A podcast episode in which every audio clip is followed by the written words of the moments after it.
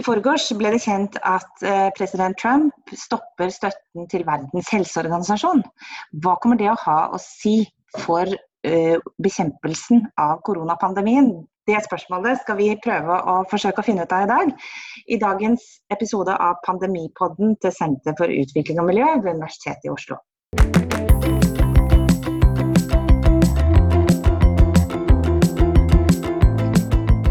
Mitt navn er Benedicte Bull, jeg er professor ved senteret. Og i Pandemipodden så ringer jeg til mine kolleger på hvert sitt hjemmekontor og spør dem om eh, ting de har greie på som har betydning for årsaker til og konsekvenser av koronapandemien. Og I dag er eh, turen kommet til Desmond McNeil. Han er professor emeritus nå ved SUM. God morgen, Desmond. God morgen. Og han er altså en av de i landet tror jeg, som har forska mest på eh, det vi kaller det multilaterale systemet, eh, inkludert Verdens helseorganisasjon. Ganske mye om global helse de siste årene. Eh, vi har hørt ganske mye om Verdens helseorganisasjon de siste eh, ukene, og det hører jo ikke med til hverdagskost. Det er jo vanligvis en relativt anonym eh, organisasjon i Genéve. Men bare for å begynne å forstå litt eh, hva dette dreier seg om. Hva slags organisasjon er egentlig dette? Ja, det er en såkalt specialized agency, dvs. Si at, som ble etablert i 1948 etter annen verdenskrig.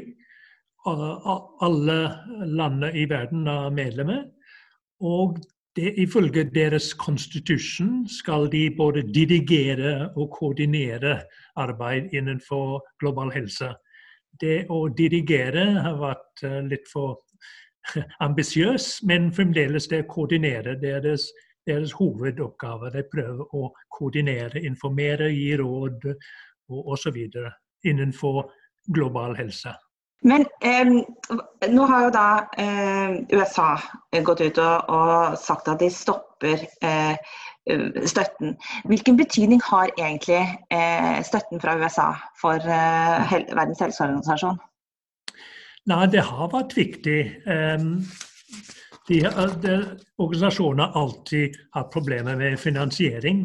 I prinsippet alle, alle land i, i, verden skal betale penger til organisasjonen. Men de har blitt kritisert både for å være for politisert og byråkratisk osv. Og, så og det har ført til mindre finansiering, som har skapt en slags ond sirkel. Slik at de, blir, de har mindre og mindre penger, og da blir det kanskje mindre og mindre effektivt, så det slår tilbake. Og uh, en del av uh, spørsmålet ikke bare hvor mye penger de har, men hvor mye av pengene er opp til dem å bestemme. Fordi uh, deres budsjett er delt i to. Eh, en del som har såkalt assessed contributions, og det er basert på eh, eh, GDP av de forskjellige landene. Men egentlig tre fjerdedel kommer fra såkalt voluntary contributions. Og det er ofte veldig bundet, sånn at organisasjoner har egentlig begrenset midler og, og begrenset mulighet til å bestemme selv hva de gjør. Uh, USA har vært en av de viktigste. Dvs. Si at de betaler ca. 15% av totalbudsjett. Mesteparten av det er såkalt um, voluntary contributions som bundet. Så, men allikevel, det, det, at de nå tar bort 50% av budsjett, det vil ha store konsekvensene. Det, det, er helt klart. Men hva er det, hva er det landene binder eh, pengene til? Er det Eh, kan man, kan man, ha vært i den situasjonen at de faktisk er forhindret fra å jobbe med den type pandemier fordi landene har bundet midlene til andre typer ting? På en, på en indirekte måte. Vil si at, at uh, de landene de vil binde det til forskjellige ting som de er interessert i, som de syns er viktig. F.eks. kanskje hiv-aids. Uh, men, men mens organisasjonene selv vil kanskje gjerne prioritere noe annet. Men da må de bruke deres egen den fjerdedel som er basert på assess contributions, hvor de sto helt fri til å bestemme hva de skal bruke pengene til. Så på en måte de kan begrense det, ja. Men hva er det som altså, Kritikken mot eh, internasjonale organisasjoner det er jo noe vi hører om hele tiden. At det er tungrodd og byråkratisk og politisert og det ene og det andre. Men hva tenker du er det som avgjør om en organisasjon som WHO fungerer egentlig? Ja, penger er, er veldig, veldig viktig. I tillegg vil jeg si så autoritet og tillit um, er, er, veldig viktig. Og så lederskap også var viktig. Så det er ingen tvil om at Gro Harlem Brundtland var en, en, ganske effektiv eh, leder, og de har hatt noen andre som har vært litt kritisert for å være for svak. Så jeg vil si at en kombinasjon av penger, um, autoritet, tillit og lederskap, det er det som er det viktigste. ja. Nå har jo blitt veldig kritisert nå i forhold til særlig den tidlige fasen av eh, koronapandemien. At de var for ettergivende overfor Kina, at de ikke kom med den reelle informasjonen og ikke gjorde et forsøk på, på, å sjekke på en måte de kinesiske kildene godt nok. Men hva slags oppgaver har egentlig WHO i forhold til eh, en pandemi?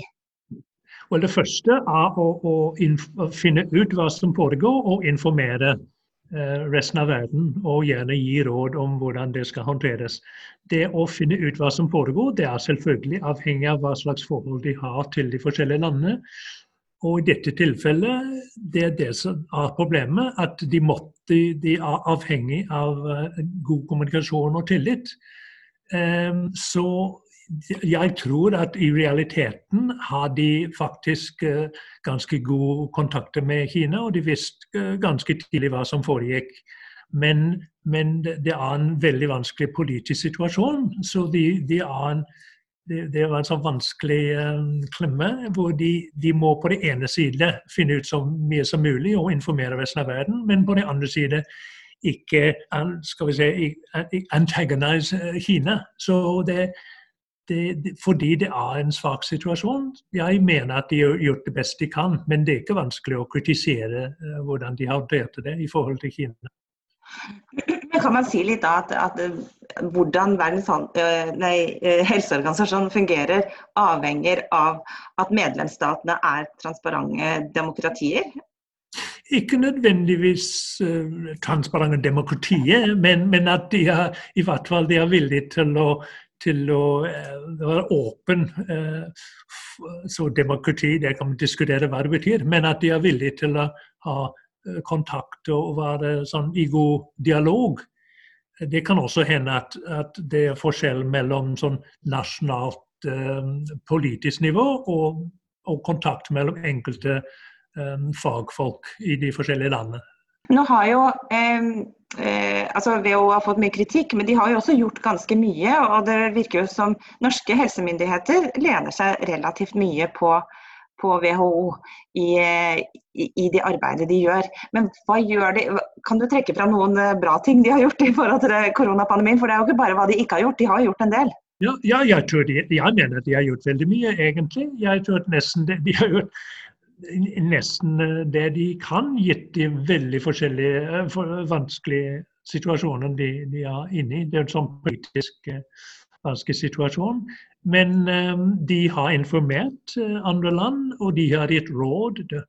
Han, Tedros har vært ganske um, visible på, på, TV. Test, test, test, som han sier hele tiden. Og, og bare det i seg selv er viktig. Sånn at, at, organisasjoner har hatt en sånn public eh, presence hvor, hvor det kom og, og veldig viktig og klar beskjed fra dem. Så um, jeg, som sagt, jeg mener at uh, kritikk har vært uh, litt overdrevet.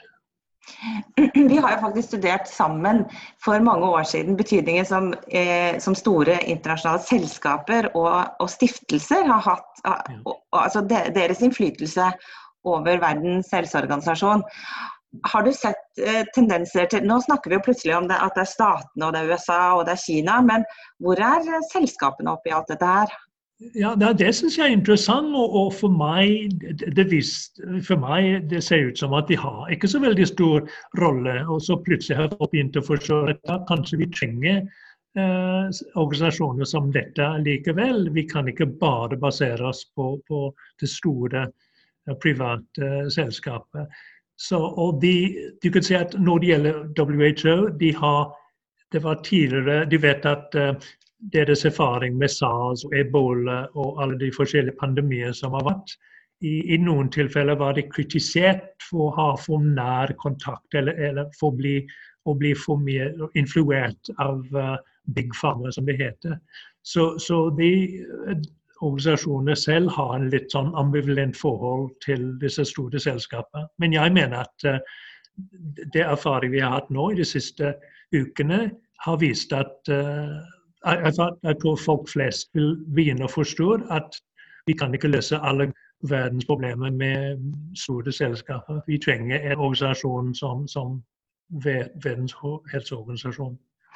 Og det er jo interessant, fordi at de initiativene som begynte kanskje for rundt 20 år siden med Bill Gates Foundation, som skapte altså de første eh, offentlig-private partnerskapene, som egentlig bidro til en sånn frykt for at selskapene skulle overta mye av disse organisasjonene. Eh, I dag ser vi at det er Bill Gates som er liksom den største forkjemperen for eh, Verdens helseorganisasjon og går i, i, i rette med Trump når han trekker støtten. Ja, jeg syns det er veldig positivt at, at, Bill Gates var en av de som kritiserte Trump med en gang. Men, uh, som, men, på den andre siden, Bill Gates Foundation, som var på en måte veldig bra og positiv, at de gir milliarder, milliarder dollar til til global helse, men det har blitt også en slags konkurrent til verdenshelseorganisasjonene i det siste. Så det er et veldig ambivalent forhold mellom de to. Men jeg, men jeg syns at uh, som sagt, det er veldig positivt at han selv har kritisert uh, Trump klart på dette. Det kan hende at han vil selv gi mer penger til, til organisasjonene som privat foundation. Man kan håpe det. Vi har jo um, sett nå også, jeg så akkurat Finland gikk ut og sa de ville øke støtten til Verdens helseorganisasjon. Men hva tror du at uh, USAs uh, at, de, at de har trukket støtten hatt å si? Vi har jo sett tilsvarende skjedd med andre FN-organisasjoner tidligere. Unesco holdt jo på å knekke fullstendig sammen da USA trakk seg for noen år siden, og vi har mange andre tilfeller.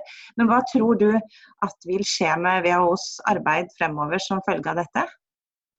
Nei, UNESCO er et interessant eksempel. ikke sant? Fordi, som du sier, ja, uh, USA trykket tilbake penger, og så faktisk uh, Storbritannia gjør det det samme.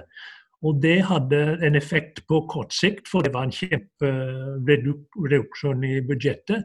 Men også litt på lengre sikten, fordi da USA kom tilbake senere, så var Unesco utrolig forsiktig, og de, de, måtte høre hele tiden på hva USA mente og sa. Så det ble svekket også på den måten først, at de hadde mindre penger, og så at de, de måtte høre Var veldig sånn lydhøre for USA-meninger. Men i dette tilfellet, det er veldig interessant. Ja, situasjonen er litt annerledes. Det kan hende at det blir det samme som med Unesco, men jeg tror at det er egentlig en ganske god sjanse at at reaksjonen mot Trump blir så sterk at uh, i hvert fall sånn støtte med sånn ord vil bli uh, det, det, blir mye av. Og, og, jeg tror det blir ganske mye penger også. Så det kan det er veldig interessant. Det er ikke umulig, det er ikke utenkelig at, uh, lenge, at dette faktisk vil slå positivt tilbake på, på organisasjonene. Det blir interessant. Det blir jo veldig interessant å følge hva slags type organisasjon det da blir. Kanskje med, kanskje noe mer selvstendig fra USA, men muligens enda mer eh, influert av Kina? Eller? Ja, ikke nødvendigvis av Kina, men selvfølgelig i Kina. De, de, hvis man går tilbake til eh, pengenes situasjon, hvis du ser på bare den assessed contribution, så, så det er basert på hvor mye penger de forskjellige landene har, som GDP. Så da er Kina allerede veldig stor Japan, andre, alle de, de, store, rike land har, gir ganske mye penger. Sånn at um, ja, Kina kanskje, men også ikke bare de, at andre europeiske land Det kan hende at det blir faktisk positivt på én måte på lengre sikt. Håper det i hvert fall. Det er jo veldig interessant. Det blir veldig spennende å følge med på det. Eh, jeg vet at du kommer til å, å gjøre det, selv om du offisielt er pensjonist.